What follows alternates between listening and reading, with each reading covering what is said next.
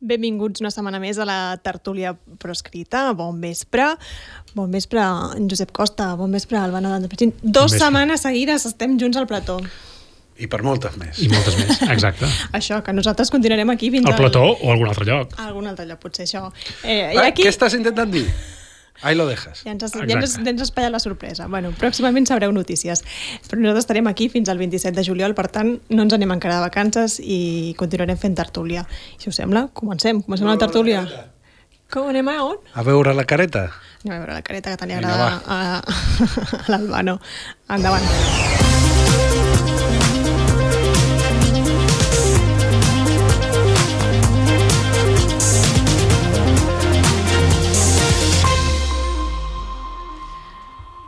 Massa abrigats, no dieu ara aquí? Aquests colls alts ja no, no es porten. Bueno, doncs farem una distiu, si de cas. Que, que la fem a la piscina o alguna cosa així. Bueno, va, posem-nos seriosos, que avui confessem que venim d'un dinar, els tres junts, amb algú, amb algú més, direm així, així també Direm. s'adendarem Sí. sí. més gent, i per parlar una mica de què farem properament, i, i llavors potser per això venim més barats. Venim afarats. Tenim Vale. ja mitja tertúlia feta. La, la mitja no tan punyent, la mitja punyent ve ara. Vale, sí. estupendo. Les coses que no es poden fer en públic ja les hem fet. Vale, però ara la direm, la direm les coses importants. Perfecte. doncs, si us sembla, comencem parlant d'una cosa que no hem parlat mai nosaltres, de l'abstencionisme. Què us sembla?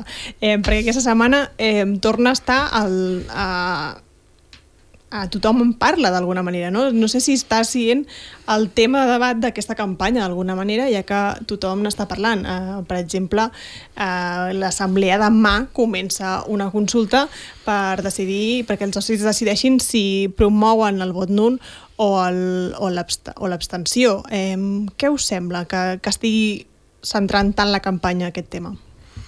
No, jo crec que és una bona notícia que, que se'n parli abans de les eleccions i no després, perquè tradicionalment, tothom recordarà, que eh, quan en unes eleccions hi ha poca participació, se sol lamentar la nit electoral i el dia després, uh -huh. i després ningú mai més no en parla.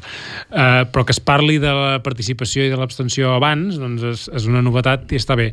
I sobretot perquè, que, perquè posi en valor el, el vot de la gent, és a dir, que, que, que hi hagi un debat sobre el, realment què podem aconseguir votant i què no podem aconseguir votant. Jo crec que eh, això és un és una novetat i que crec que inclús que el, el moviment independentista, que és el que centra, diguéssim, tot aquest debat, eh, té pendent eh, el, el prendre consciència real de que en cada elecció què hi ha en joc, què podem aconseguir, què no podem aconseguir, i sobretot hi ha una, no, una, un debat, una inquietud per canalitzar aquest descontent que, que hi ha amb els, amb els partits eh, independentistes que estan ara representats al Parlament que no, no estan fent la feina.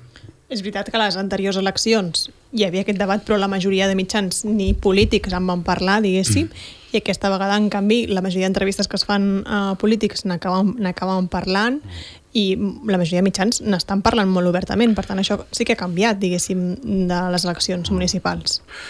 Bé, eh, diverses coses canvien. Per exemple, eh, això que alguns eh, feien befa no? de la bombolla de Twitter i com que la bombolla de Twitter en diverses ocasions ja els ha esclatat a la cara i els ha deixat la cara feta un mapa, doncs ara eh, la bombolla de Twitter com a mínim eh, es comença a veure una mica en preocupació. Eh, això que deien que eren els quatre hiperventilats de Twitter, al final és la gent Probablement sí que és veritat que és la gent més activista i més polititzada, però escolta'm, aquesta gent té, va a dinars familiars, aquesta gent té amics, aquesta gent, eh, justament per ser els polititzats, el seu entorn, pues els escolten, i per tant eh, ja ha quedat prou demostrada que la bombolla de Twitter, malgrat la ridiculització en, Rufián deia això de, de, que la, de que Twitter és com un bar eh, de borratxos a les 3 de la matinada i tal, no? Bueno, pues...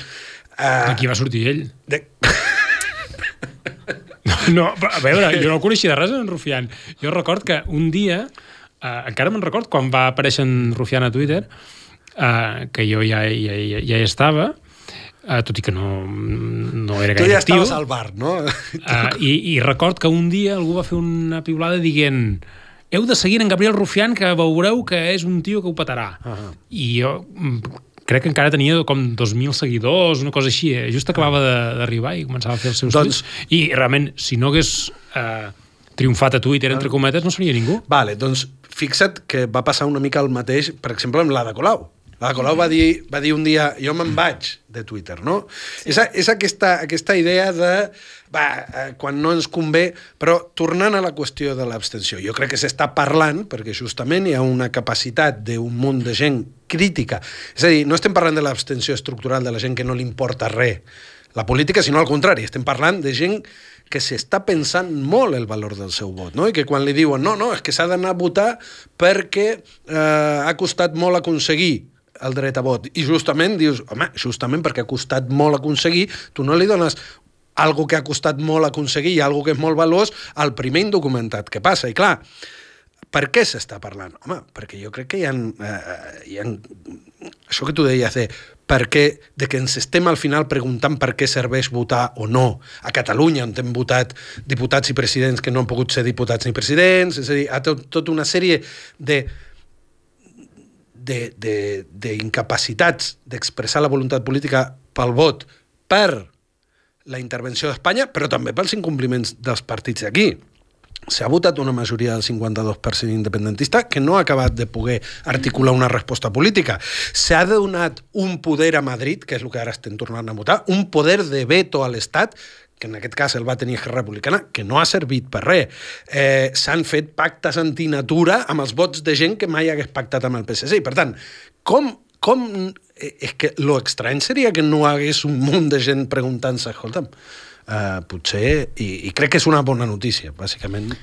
I els partits han agafat por aquest, a aquest abstencionisme o el miren d'una altra manera? Perquè sí que he vist com un canvi de, de discurs, potser no tant d'Esquerra, però sí de Junts i la CUP, no? Aquest, en les últimes entrevistes, per exemple, que hem publicat a VilaWeb, tant Míriam Nogueres com Albert Botran defensaven el dret a que hi hagués gent abstencionista. És a dir, els intentaven convèncer que els votessin a ells, però defensaven aquest dret i, i, i deien que els entenien. Per tant, aquí sí que crec que hi ha hagut també una mica canvi de discurs de no Clar, és dem, que- demoni- demonitzar tant l'abstencionisme. És que això, tam- al final, el, el, diguéssim, la, el, el, el relat o el diàleg o, o aquest corrent abstencionista a Twitter en realitat està expressant un malestar i un, i un sentiment, diguéssim, de, de desengany o d'emprenyament de molta gent que no deixa de ser un sentiment que en moltes altres ocasions, però en molts altres temes, existeix en política.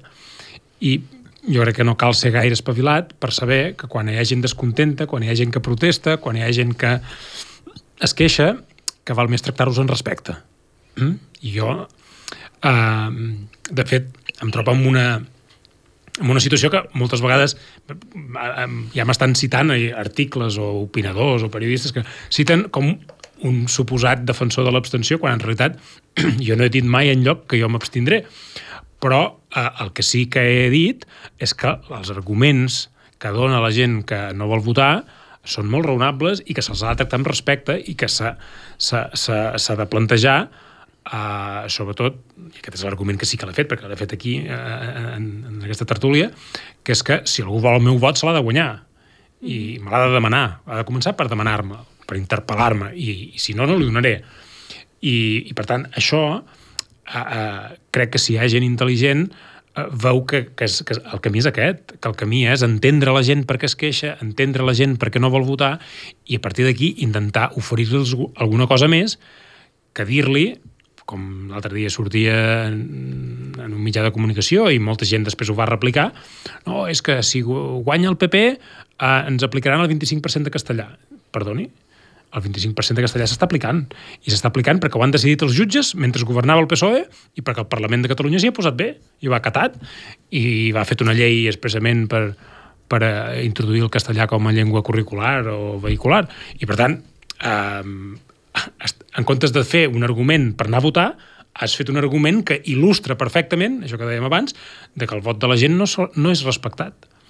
I, per tant, posar damunt la taula el valor del vot i, sobretot, el valor de respectar el vot sempre serà un guany democràtic. I després, eventualment, ja veurem quanta de la gent que està amb aquesta, diguéssim, eh, sensació de que no vol votar, el, quan arribin les eleccions, quan tothom hagi ensenyat totes les cartes, quan se sàpiga de què van aquestes eleccions i per què volen el nostre vot, potser hi haurà gent que prendrà una decisió o una altra eh, en funció d'això.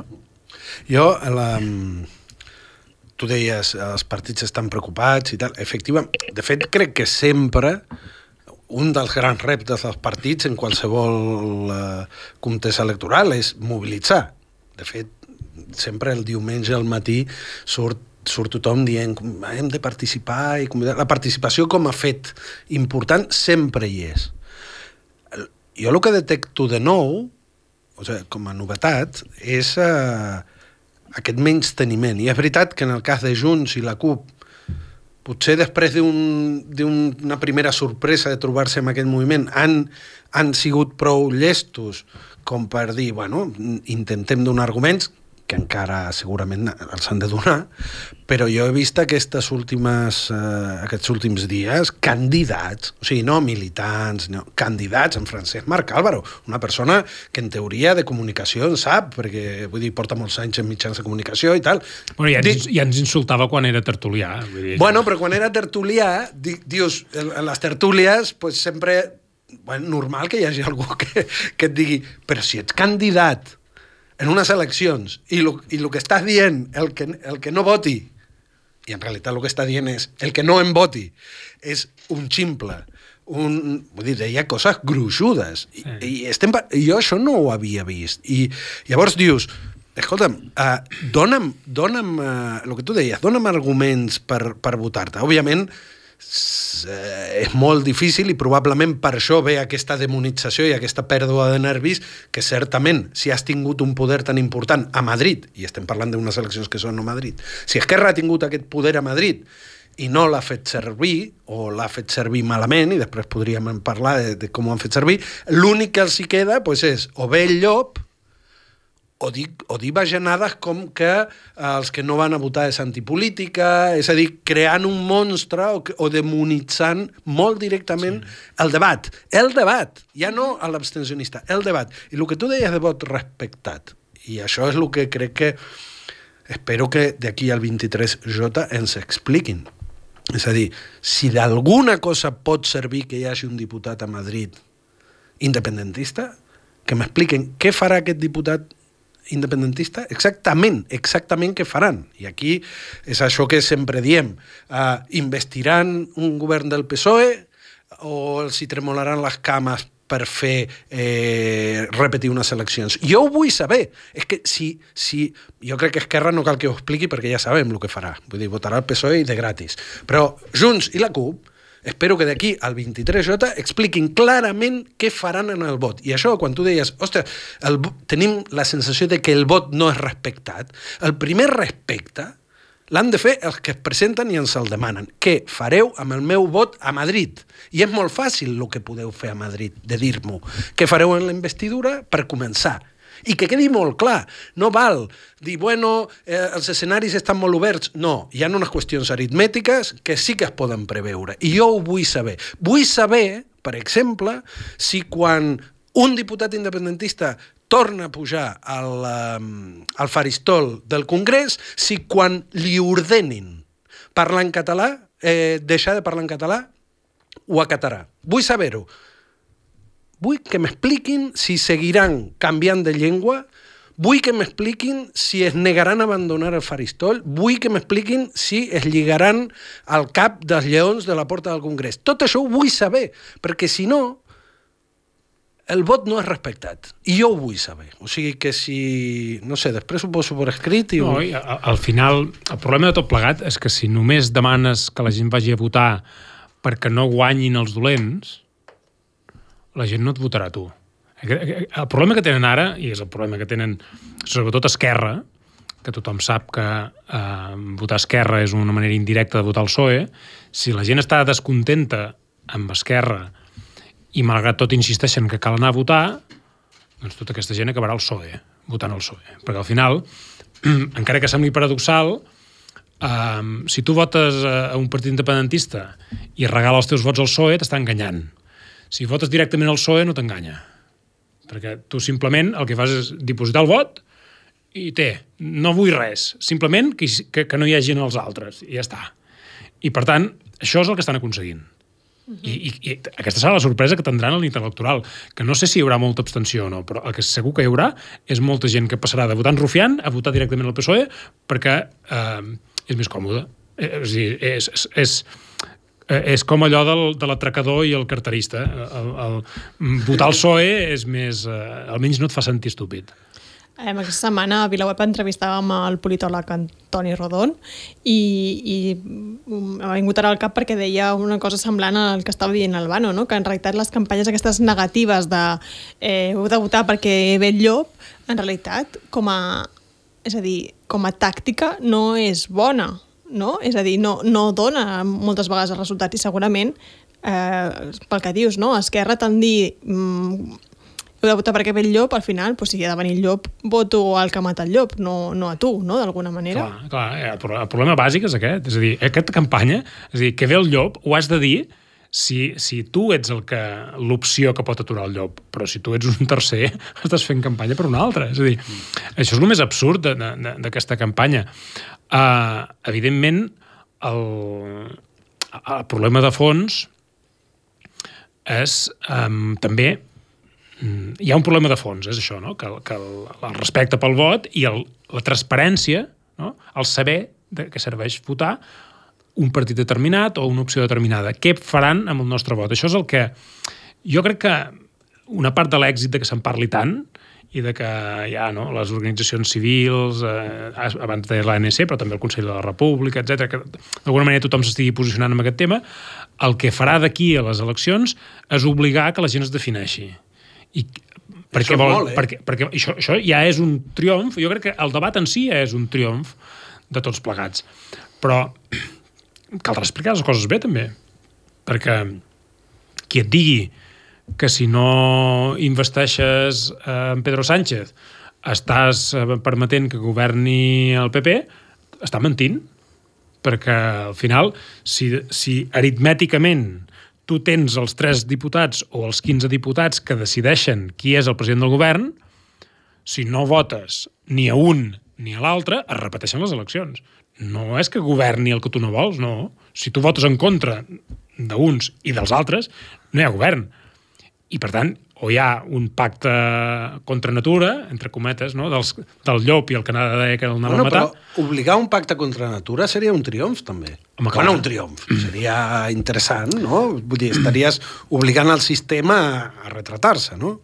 Que ja ho han fet. Bueno, perquè, sí, per, sí, per, sí. Perquè ja ho hem dit altres vegades, no? És dir que, de fet, tot plegat és la història que es repeteix, perquè ja sabem què passa quan l'independentisme no investeix presidents d'Espanya. Perquè ho, ho hem vist el 2016 i ho hem vist el 2019. Quan no hi ha investidura, es repeteixen les eleccions. La llàstima, entre cometes, segurament, és que en aquell moment el, el, la raó per la qual els independentistes no investien president de govern és perquè hi havia un cordó sanitari contra els independentistes i perquè els vots independentistes eren tòxics i ningú els volia. Yeah. Uh, perquè era, aquí hi havia un procés de ruptura. Yeah. I quan aquí es fa política independentista, els nostres vots a Madrid no els volen ells. Yeah. No és que nosaltres tinguem la capacitat d'incidir més o menys o de triar qui és el president o no, sinó si aquí hi ha un moviment real de ruptura, com hi havia el 2016, i com encara, diguéssim, hi havia certs uh, elements al 2019, aleshores són els partits espanyols que es posen d'acord entre ells perquè no volen dependre dels vots independentistes. Hi ha un cordó sanitari contra l'independentisme. I això també hem de ser conscients, perquè això condiciona també el poder que, real que tu tens. Em sembla interessant això que deies, Josep, perquè en realitat aquests dies s'ha dit molt això, no? aquesta idea de... Eh, ah, perquè la Míriam Nogueres i l'Albert Botan sí que han dit eh, no investirem a Pedro Sánchez, Albert Botan posa una cosa a canvi, que és el referèndum, no? si no hi ha un pacte de referèndum no serà investit, i llavors tothom surt a dir ah, però llavors fareu president a, a, a Freijo. Eh, l'aritmètica no funciona així. És a dir, d'alguna manera estan mentint. No, és a dir, si tu votes que no a un, no estàs votant que sí a l'altre. De fet, um, és que no cal eh, fer teoria. Simplement cal anar a buscar... El reglament. La, no, anava a dir, anar a buscar la Wikipedia o anar a buscar les hemeroteques i veure què va passar el 2016. El 2016 eh, va passar el següent. Hi havia una majoria d'esquerres més independentistes per investir en Pedro Sánchez, si hagués volgut. Però ell no va voler ser investit amb els vots independentistes. Es van repetir les clar, eleccions. Aquí, ara tot estem discutint i aquí ens han, ens han robat el marc mental, perquè ens han situat en, en nosaltres debatent si volem investir en Pedro Sánchez quan fa uns anys en Pedro Sánchez no volia ser investit amb els vots Ja. independentistes. I, de fet, el 2016, que hi havia una majoria per investir en Pedro Sánchez a president del govern amb els vots independentistes, ell va preferir no Repetir. ser investit president. I el PSOE va acabar investint en en Rajoy. Va acabar investint el PP. I ara ens diuen que els votem perquè no governi el PP. Ah, d'acord. Vull dir, que eh, aquesta és la realitat. És a dir, quan els independentistes són independentistes i fan d'independentistes, resulta que el PSOE no vol els seus vots Bueno. i prefereix aliar-se amb el PP. Aquesta és la història que coneixem no és teoria, no són hipòtesis. Això no és fabulacions d'un tertulià. Són els fets de, que- del 2016. Sí. Bueno, després, el 2019, el 2019 és quan un altre cop Pedro Sánchez no vol els vots ni tan sols ni dels independentistes ni els de Podemos. Ni els de Podemos. Vol fer un pacte amb Ciudadanos i es repeteixen les eleccions. El que sí pot passar, és veritat que aquesta fal·làcia de què fareu? Deixareu que governi Vox? És veritat que és una fal·làcia, quan se li... però sí que és veritat que poden jugar la carta de si no investim a Pedro Sánchez eh, se repeteixen eleccions i, per tant, eh, hi ha més possibilitats de que creixi Vox. De fet, és el que, lo que Pablo Iglesias le deia a Pedro Sánchez, de dir, pacta amb nosaltres perquè si repetim eleccions creixerà Vox, que efectivament és el que va acabar passant, a més a més. El que, lo que vull dir és, és veritat que és una fal·làcia això de que en aquella votació es defineix si governa Pedro Sánchez o governa Vox, però la pressió constant cap a l'independentisme, ara que s'ha trencat el cordó sanitari perquè s'ha vist que l'independentisme eh, és inofensiu, o com a mínim l'independentisme de, del Palau de la Generalitat i d'Esquerra Republicana al grup parlamentari és inofensiu, per tant, s'ha trencat i demanaran el vot. I el xantatge servirà, si no és amb aquesta fal·làcia, sí que serà amb la de ei, i si no ens investiu, anem a repetició d'eleccions i poden governar els altres. Vull dir, la, el xantatge cap a l'independentisme està per descomptat, cap als partits. El que crec que hem de fer nosaltres com a ciutadans és que abans que arribi el xantatge tenir un contracte amb els nostres representants per dir què val el nostre vot. I l'altre dia l'Antonio Baños feia un, un, un tuit molt interessant. Eh, començava, per estalviar-nos discursos, deia. No, per estalviar-nos discussions. I deia, si tu et presentes unes eleccions dient el meu objectiu és aturar a la dreta i que Pedro Sánchez pagui un preu més alt, a, als catalans, diguéssim, són, són dues coses que s'autoexclouen. Si la teva única oferta és ajudar a que Espanya governi el PSOE, el PSOE no t'ha de pagar cap preu. Vull dir, ets tu que has triat que l'únic paper que pots jugar és investir encara un altre govern del PSOE. Per tant, eh, jo crec que en el cas d'Esquerra no cal debatre molt perquè ells crec que, aquí sí que cal dir-ho, que han estat prou clars i han tingut cinc anys per demostrar quina és la seva manera d'encarar aquest fet.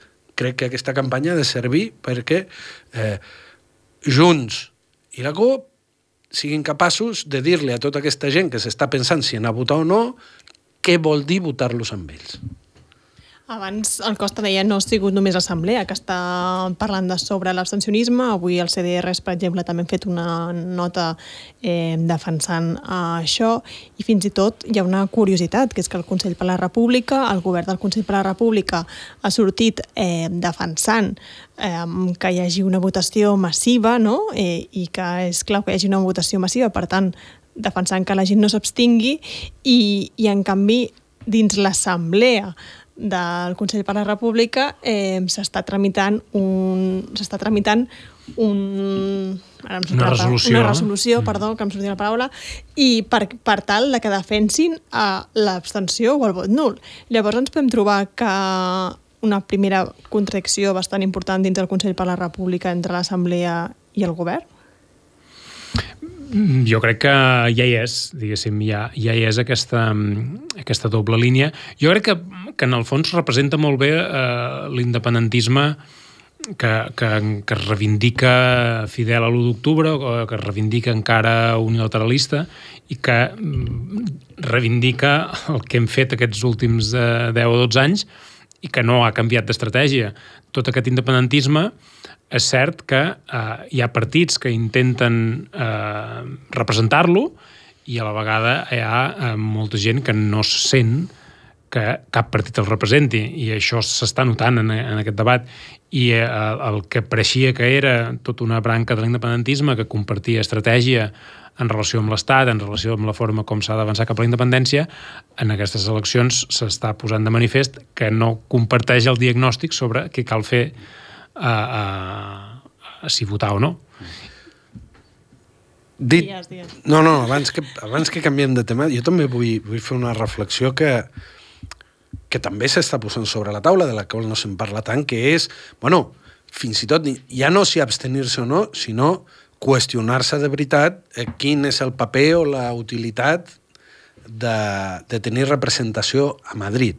No és el mateix debat, mm -hmm. el d'abstenir-se o no, semblen, semblen molt propers però no ho són. Per què ho dic? Perquè em sembla que el debat de l'abstenció, que és encunat no? en Twitter i els partits estan preocupats i, i eh, també afecta, i crec que això és la part més sucosa d'aquest debat, no només afecta aquestes eleccions, afecta a lo que passi el 24 de, de juliol, és a dir, eh, la capacitat o no de l'abstenció o com siguin els resultats a Madrid marcaran també i obriran el següent cicle polític que és veure què passa a, a Catalunya en uns, en uns escenaris que no sabem quins seran, o amb un govern de PP i Vox, o amb eh, l'Esquerra investint un altre cop al PSOE, etc. Vull dir que aquest debat, eh, o sigui, jo crec que seria un error primer seria un error perdre tant de temps en aquest debat si només fos un debat per veure si tenim quatre o cinc diputats a Madrid. Però sí que em sembla debat interessant perquè el que, el que passi definirà molt bé la, l'estructura de la política catalana després del 23J. Per què ho dic? Perquè hi ha algun, diguéssim, detractor de la idea de l'abstenció que diu què guanyarem eh, perdent dos, eh, dos diputats a Madrid? I no se n'adonen, o, o volen fer veure que no se n'adonen, de que el debat va més enllà. Tant de bo fos només veure el resultat en diputats del 23J. L'impacte va molt més enllà i jo crec que la por eh, gran que tenen a l'abstencionisme o a que no els votin amb ells no és tant la força que puguin tenir a Madrid, que al final és molt difícil que sigui definitòria, sinó que això marcarà i obrirà portes de cara al 24J. I jo crec que aquí l'important, eh, i seguint amb aquesta línia, és derrotar les estratègies equivocades. A dir, jo crec que els, els, independentistes que se senten eh, enganyats o que se senten eh, mal representats per, per la classe política actual és perquè s'han equivocat en les estratègies, perquè han pres decisions errònies, perquè han fet pactes amb l'Estat eh, que són indefensables, etc etc. Per tant, l'objectiu de l'independentisme, crec jo, és castigar i eh, desautoritzar, derrotar les estratègies equivocades. Per tant, qui ha representat aquestes estratègies equivocades a Madrid, que és evidentment en Rufián i el seu partit, eh, han de ser derrotats clarament en aquestes eleccions. O sigui, jo crec que un objectiu clar de, de, de l'independentisme més activista o més eh, que, que més es fa seu l'1 d'octubre és aquest, és a dir, escolti'm, si vostès han fet aquesta política equivocada dels últims cinc anys, no es mereixen cap ni un vot. I després, algú et dirà, oh, és que són tots iguals.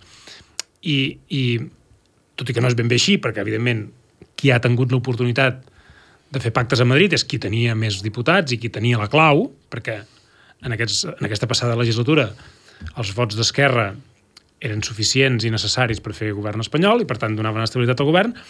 La bona notícia, i ho deies abans, Esquerra Republicana crec jo que ningú en aquests moments pensa que tingui la clau per decidir en solitari si pot investir o no pot investir el president espanyol. Jo crec que això ja és una victòria. És a dir que, al final, en Francesc Malcàlvaro pot el que vulgui, però, afortunadament, el pròxim govern d'Espanya no depèn d'ell.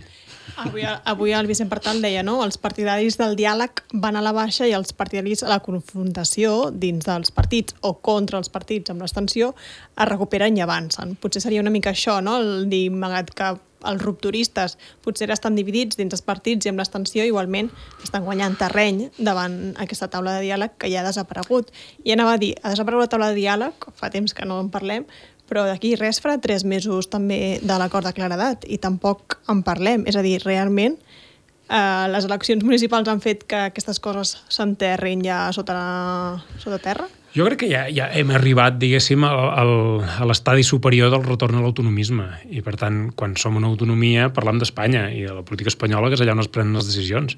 No? És a dir, com, com, com que aquí no hi ha projecte nacional, es parla de política espanyola.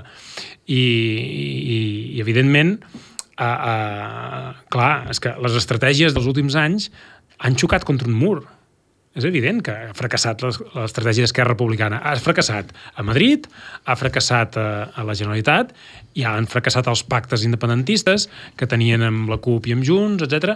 I sí que, d'alguna manera, l'independentisme més combatiu o més de confrontació està avançant i, i, i ara aquesta divisió que hi ha, aquest, aquest, aquest, uh, aquesta discrepància que es nota en aquest sector és uh, perquè un sector diria home, si ha fracassat Esquerra, ha fracassat el diàleg, ha fracassat això, reforcem Junts, que defensa una altra cosa.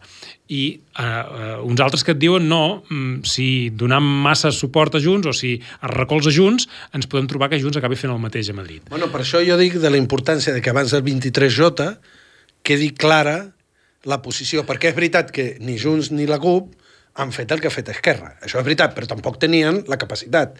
Per tant, Uh... I, la, I la gràcia de tot plegat també és que si tu derrotes l'estratègia, és dir, si tu castigues sobretot l'estratègia del diàleg i el pacte amb l'Estat, el que aconsegueixes també és que aquells sectors molt potents que també hi ha dins Junts de pacte amb l'Estat i de diàleg amb l'Estat, és a dir, la convergència tradicional, que està ara patint perquè Esquerra li robi la cartera, doncs aquest sector, si veu que Esquerra és castigada, també l'estàs castigant a ell. Yeah. També estàs derrotant-lo també estàs derrotant un sector de Junts que és més pactista que Marc Álvaro. De fet, crec que abans era d'aquestos. uh, uh, per tant, diguéssim... Vols un paper per dibuixar-ho o ha quedat clar? jo, crec, jo, crec, jo crec que tothom sap de què estic parlant, no? És a dir, que més convergent que en Marc Álvaro no hi havia ningú i que ara sí d'esquerra ho diu tot. Uh, uh... Bueno, i que, i que, i que uh, càrrecs d'esquerra eh, critiquin més a Vilaweb o a Octubre que a La Vanguardia també és indicador d'algo, no? Però bueno, ja està, ja ho he dit. Ho havia de dir. Vale, vale. No, no, no perquè, perquè, clar, som tots convergents menys el conde de Godó i Francesc Marc Álvaro, saps? I dic, hòstia, no entenc res. Però, escolta, em sembla molt interessant aquesta idea que has dit i, i, i m'agradaria reform... no reformular-la, però t'escoltava i pensava, potser el debat del moviment independentista més polititzat, és a dir, els hiperventilats de Twitter i de la tertúlia proscrita, no és tant d'abstenció sí o abstenció no, sinó que tu deies castigar l'estratègia, que en aquest cas ha estat la d'Esquerra, o no castigar-la. I trobar quina és la millor manera de castigar-la. Hi haurà gent que creurà que la millor manera de castigar-la és l'abstenció, haurà altra gent que creurà que és votar junts i altra gent creurà que el càstig és votar la CUP. És a dir, com per avisar-li a l'altre que es quedarà sol. O votar en blanc. També, o votar en blanc, el que sigui. Però em sembla molt interessant per donar-li més profunditat a la idea de l'abstenció i al debat que s'ha generat al seu voltant, em sembla molt interessant donar-li més, és a dir, quina és la millor manera de derrotar l'autonomisme, quina és la millor manera de derrotar el que hem vist fins ara que l'abstenció pot ser, no, no estic dient que, que l'abstenció, ei, que potser és la millor manera eh, de derrotar-ho, però que per això crec que hem de reivindicar el, la riquesa del debat de l'abstenció, perquè ens permet anar molt més enllà de, de què fem un dia. Al final, eh, tan, tan lío per un dia per anar a votar, a més a més, una cosa del Congrés de Madrid, però és que el debat és molt ric. So, sobretot, també que no ens enredin amb segons quins debats. És a dir, perquè en allò substancial, és a dir, si realment marca una diferència en relació a l'independentisme, no ens deixaran decidir qui és el president espanyol. És a dir, perquè no, no perquè ho digui jo, perquè això és el que va passar el 16 i el 19, que quan era realment substancial i era realment decisiu que hi hagués un president o hi hagués un altre president, no varen permetre que els independentistes tinguessin la decisió. Puc posar un exemple que l'he posat, crec que a totes les tertúlies proscrites, i avui s'està acabant el temps i encara no l'he posat. Vinga, va. El poso un altre cop. Quan Pedro Sánchez havia d'aprovar el decret de gestió dels fons europeus, Esquerra Republicana va dir no perquè no ens permet a Catalunya gestionar els fons europeus. Pedro Sánchez no va tenir cap escrúpol d'acceptar la- l'abstenció de Vox per aprovar el decret de gestió de fons europeus que, òbviament, eh, eh, deixava fora Catalunya en moltes coses que, que, de, que demanava Catalunya. No? Per tant, no només això, van sortir a donar les gràcies pel sentit d'estat a Vox. Per què ho dic? Perquè tu deies, si cal deixar... Si, si cal el PSOE pacta amb, Vox, amb, amb el PP, però és que si cal pacta amb Vox, A perquè aquest- ja ho hem vist. En realitat, també ho hem vist a l'Ajuntament de Barcelona fa una setmana, vull dir, no? Que, que quan... que si està en joc a Catalunya o a Espanya, sempre trien Espanya, per suposat. I ara ho veurem a la Diputació i a tot arreu. Jo crec que no, no ens hem de deixar arrossegar a fer-nos creure que nosaltres tenim el poder de decidir eh, coses d'Espanya importants. Bueno, de fet, la, dir, la idea del procés independentista justament és aquesta, no? És dir, mm, ens hem cansat de no pintar res i de tal, volem tot el poder per, des, per decidir les... És a dir, a veure, sí que pots pintar molt. És a dir, si és per reconduir el procés independentista cap a una reculada autonomista, Esquerra ho ha fet de fàbula, diguéssim. Ha tingut un paper fonamental a Espanya, pactant amb el PSOE, pactant els indults, pactant la taula de diàleg, la submissió a l'ordenament constitucional, tot això. És a dir, si es tracta de recular i anar enrere, aleshores eh, et posen la catifa vermella. Vale, però estaria bé no, no, jo no sóc partidari i em sembla que és un gran error aquesta reculada, però fins i tot ho dic perquè hi ha gent que és pragmàtica i podria dir potser convé la reculada, perquè a canvi de la reculada, però és que a més a més, i això també crec que ho dic a cada tertúlia i ho tornaré a, a repetir, és que la reculada no ha servit per res. Tu abans posaves l'exemple d'avui, que vindrà el PP i Vox i el 25% del castellà ja el tens aquí, però és que s'havia de blindar el castellà i no s'ha blindat, hi havien de venir inversions i no han vingut, havia d'haver un traspàs de rodalies i no ha vingut, havia d'haver una gestió de fons europeus i no ha vingut, és a dir, no ha servit. O sigui, el, el, el tema no és que aquí hi ha uns del peix ha, al cova. Ha servit per pacificar Catalunya. I ara lligo, m'ha- m'ha- ho heu fet molt bé, lligo amb el següent tema. Ha servit per la desjudicialització és que he pensat, aquesta paraula no em sortirà, Desju- desjudicialització de uh, uh, els independentistes. I aquesta setmana pensava, mentida.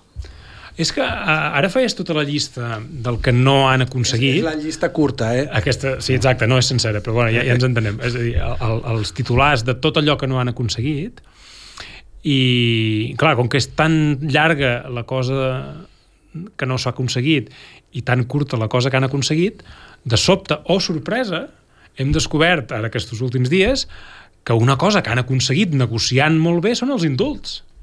I dius, ostres, si fa dos anys, quan van concedir els indults, que per cert ha passat com sense pena ni glòria aquest aniversari, no? El, el, el dia abans de Sant Joan, que varen sortir els presos eh, de Lledoners i la resta de, de presons, el, això que ningú, tothom ha passat una mica de puntetes, ara resulta que surten Rufián i surten altra gent del seu partit dient no, no, no, és que el que hem aconseguit són els indults. I hem negociat els indults. I un de, dels èxits de la nostra paper decisiu a Madrid són els indults. I dius, perdona? Uh, que no deies que no havies negociat res que no deies que no havies pactat res que no deies que mai pactaries res sobre això uh, ens estaves mentint, no? O ara. Jo crec que ara estan exagerant qualsevol èxit, diguéssim, perquè els indults, tots sabem que si no els hagués demanat el Consell d'Europa no s'haurien produït. I per això és tan ridícul que una cosa que estava caient pel seu propi pes, que Europa ja havia madurat tota la pressió que havia de fer per imposar els indults, de sobte van uns quants que es creuen uns grans negociadors i paguen el rescat dels hostatges quan ja estava arribant la policia per alliberar-los. Bueno, um, de fet, el discurs de, de defensar els indults com alguna cosa útil a Catalunya era el discurs del PSOE. El PSOE, quan es volia defensar dels atacs, deia «Ei, fixeu-vos, amb els indults que hem aconseguit». I això ho diuen fins ara. Fixeu-vos que, que Catalunya està tranquil·la. És a dir, tots dos estan defensant el mateix. És a dir, no és que ha hagut un canvi de papers. O sigui, eh, Esquerra està assumint la defensa de que hem aconseguit els indultos. Molt bé, anem a suposar que els han aconseguit ells. Eh? I per què han servit?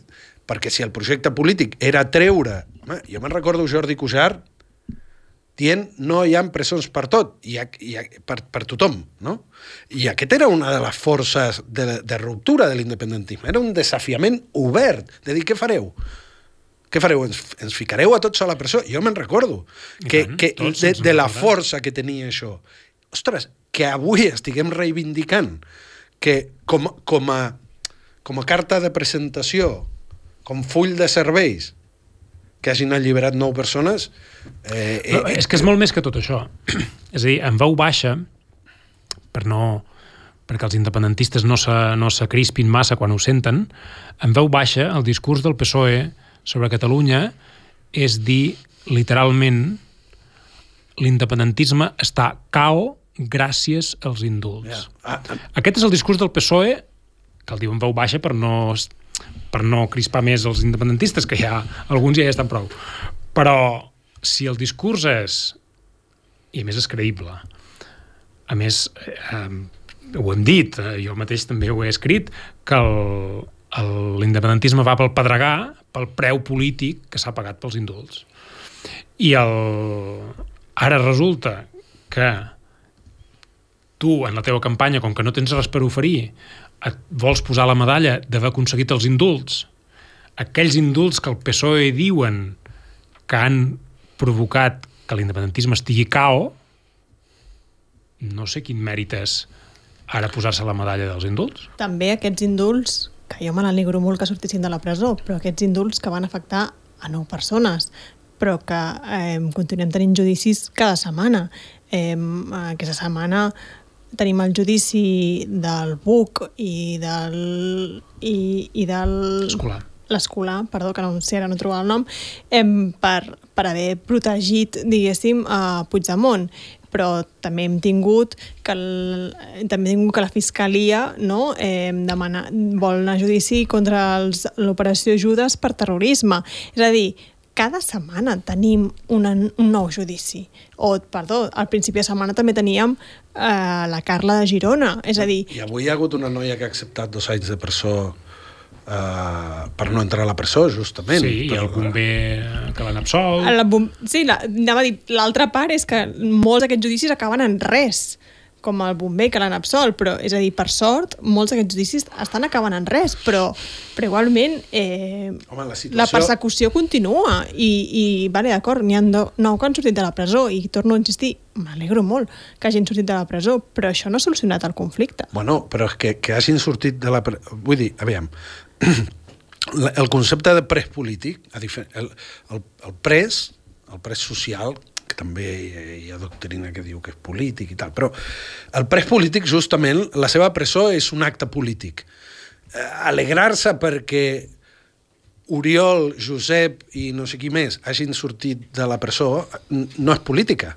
És una, és, és una alegria personal. És humà. És humà. Mm -hmm. Però és, no, és zero polític. Llavors, si tu ets pres polític, el valor dels indults o de quedar-te a la presó o de fer el que sigui és polític, mai pot ser personal. Estan fent algo que és molt pervers, que és eh, convertir algo personal, eh, és a dir, un, una victòria personal i, de, i, i, i, i treure el valor a la idea de pres polític, que és la que tu et permetia davant del món, i per això el Consell d'Europa deia, ei, senyors, això no pot ser. Ara bé, a la resta de represaliats polítics els has deixat tirats. És a dir, jo espero que durant aquesta campanya, cada cop que surti algú a reivindicar els indults, algú els hi digui eh, tu t'aniràs a Madrid eh, i, i aquesta... la gent de, de, dels CDRs, o sigui, el, el calvari judicial, personal, de tota aquesta gent.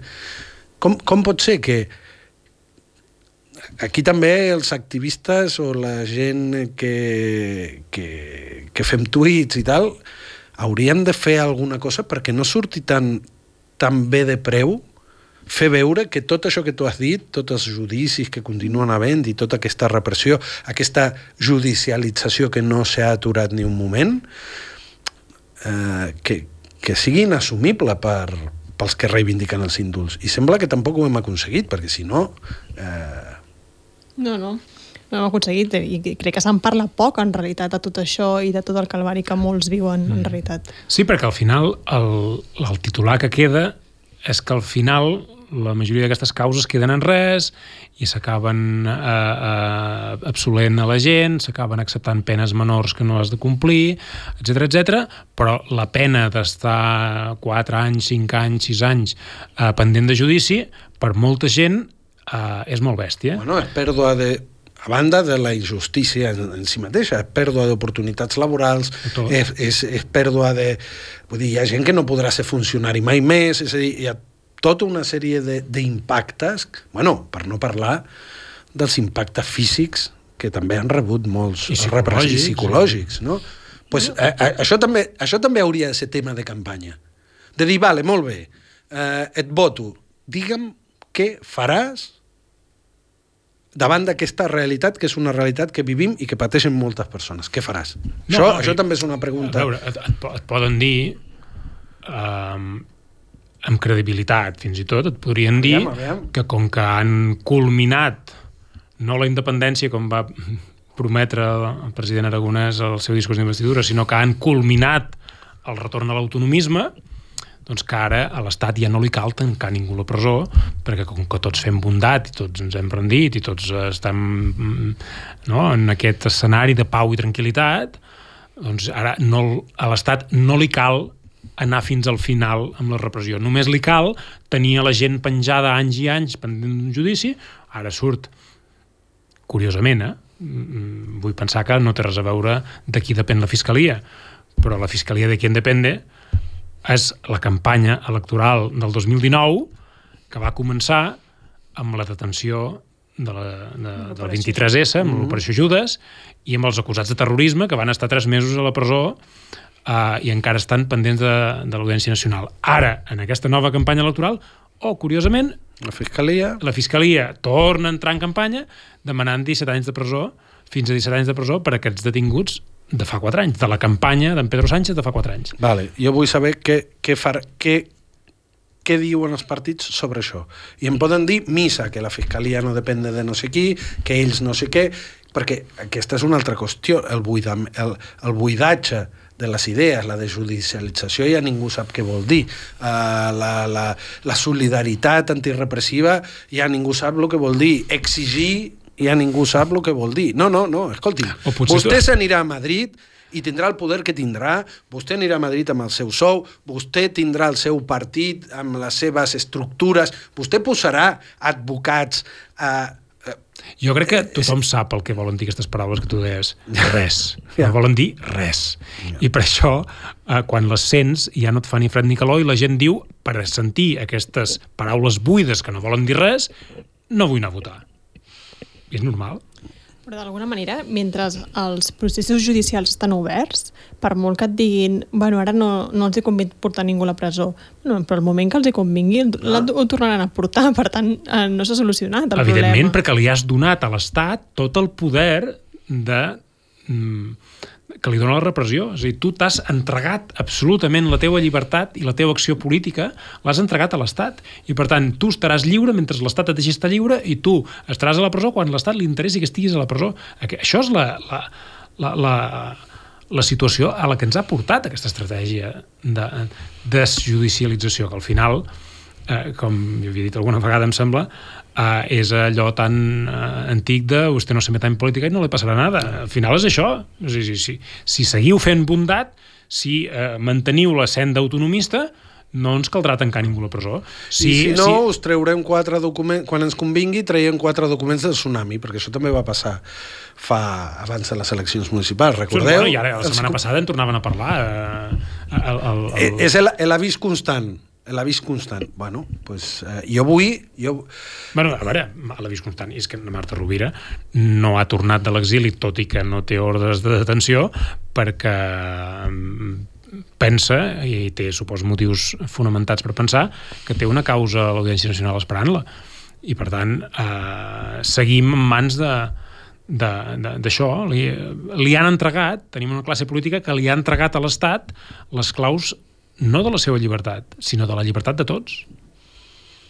Jo, de totes maneres, això, és que ara mirava el rellotge perquè no deu quedar gaire. Jo crec... 5 minuts. Jo no, jo no, jo no sé si serà uh, l'abstenció, si serà la mobilització cap a altres partits. Jo sóc optimista. Optimista en el sentit de que hi ha un debat, el debat és viu, uh, estan perdent els nervis, els que, els, que, els que ho tenien tot controlat, tant a Madrid com aquí, els que tenien les tertúlies controlades, els que tenien els mitjans controlats, els que havien despolititzat TV3, estan veient que tot això no els hi ha servit i estan nerviosos. Aquests, aquests eh, insults cap a la gent que planteja un debat polític de fons com és l'abstenció per part de gent de partit és el millor exemple de que eh, és a dir, de que som capaços i podem ser capaços de fins i tot derrotar grans maquinàries propagandístiques.